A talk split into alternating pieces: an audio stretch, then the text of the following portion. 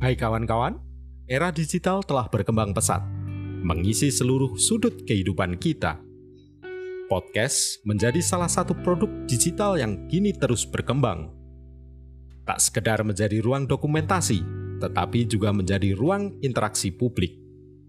Bagi kawan-kawan yang ingin mempublikasikan karya podcastnya, Anchor pilihannya. Kenapa harus Anchor? Karena mudah menggunakannya dan bisa mengupload dari mana saja. Anchor bisa di-download di App Store dan Play Store secara gratis.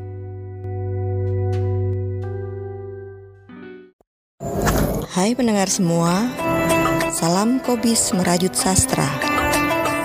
Pada Ramadan 2022 kali ini, Kobis Merajut Sastra akan menemani kalian dengan rangkaian cerpen selama sebulan penuh. Setiap cerpen akan dibuat berseri dalam 2 sampai 3 bagian. Tujuannya agar pendengar tetap bisa mendengarkan kisah-kisah sastra di sela-sela rangkaian ibadah Ramadan. Selamat mendengarkan.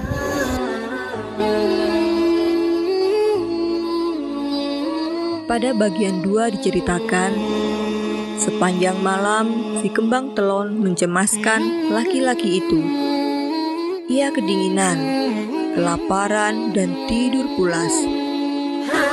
Si kembang telon menjaganya, barangkali ada serangan seekor ular.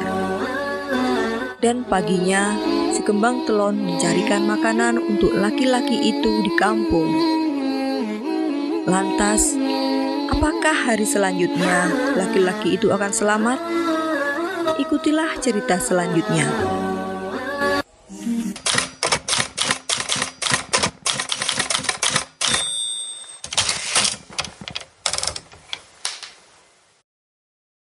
Makam di dinding parit. Karya Iman Suwongso. Bagian 3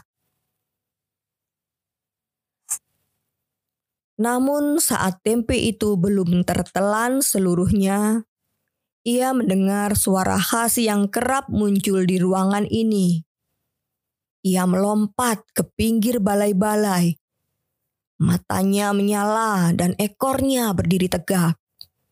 Suaranya mengerang seperti sedang mengusir lawannya. Laki-laki itu hanya menoleh sambil memasukkan nasi pada mulutnya. Si kembang telon memunggukkan badan, mengambil ancang-ancang untuk menerkam. Ekornya bergerak-gerak kiri dan kanan. Beberapa saat, kakinya menjejak pada tumbuhan bilah bambu permukaan balai-balai. Tubuhnya melesat, menerkam sasaran. Seekor ular belang yang sedang merambat dan kepalanya hampir mencapai pantat laki-laki itu. Si kembang telon dan ular belang jatuh bersamaan ke lantai tanah. Si kembang telon berusaha menerkam kepala ular belang. Tetapi ular belang itu gesit menghindar. Kuku-kukunya tajam, hanya mendarat di tubuh ular belang malang bagi si kembang telon. Ular belang itu berhasil mematuk paha kaki belakangnya. Laki-laki itu meninggalkan makannya dan menyaksikan pergumulan sengit itu dengan tangan gemetar. Si kembang telon tidak mau menyerah.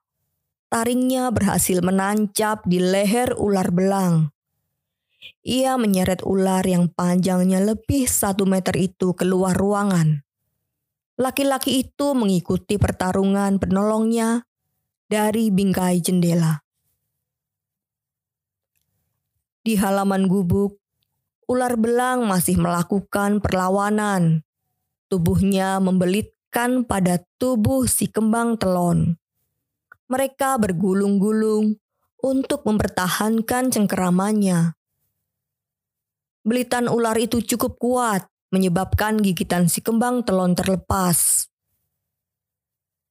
Taring si kembang telon berusaha menangkap ular itu lagi. Ia hanya berhasil menggigit tubuh ular di bagian leher. Gigitannya diperkuat. Taringnya tembus sampai ke pangkal taring. Saat bersamaan, ular belang juga berhasil menancapkan gigitannya di leher si kembang telon mereka tak henti berguling untuk mempertahankan gigitan. Laki-laki itu cemas memandangnya. Ia turun dari balai-balai dan merambat keluar ruangan.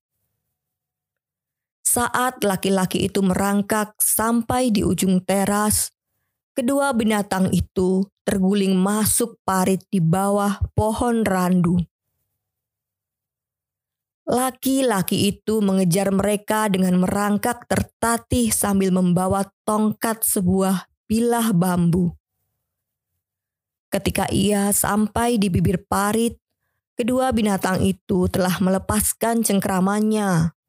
Ular belang merambat dengan luka parah menjauhi si kembang telon. Dan kucing itu tergeletak.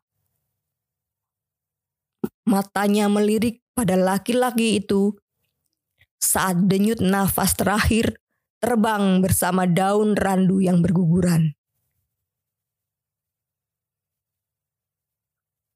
Laki-laki itu berguling masuk parit dengan air mata terurai. Ia terguncang kehilangan sahabat. Meskipun baru semalam dipertemukan. Ia merasa si kembang telon sahabat sejatinya. Ia membutuhkan waktu yang lama untuk menundukkan kepala. Setelah menguburkan pembela itu di dinding parit. Tidak setiap orang bisa mengasihi sesamanya. Sebaliknya, tidak setiap binatang bermusuhan dengan manusia. Seperti halnya kucing, harimau mungil ini tidak selamanya mengganggu dengan mencuri jatah ikan asin tuannya. Si kembang telon, kucing yang berbulu tiga warnanya, sehari-hari hidup menetap di sebuah gubuk pinggir hutan. Pagi itu, mati dipatuk ular belang karena membela laki-laki yang penuh luka di tubuhnya. Laki-laki itu setiap pagi tiba memandang ke dinding parit dari bingkai jendela, memastikan makam itu masih terjaga, makam pembela yang selalu dikenangnya.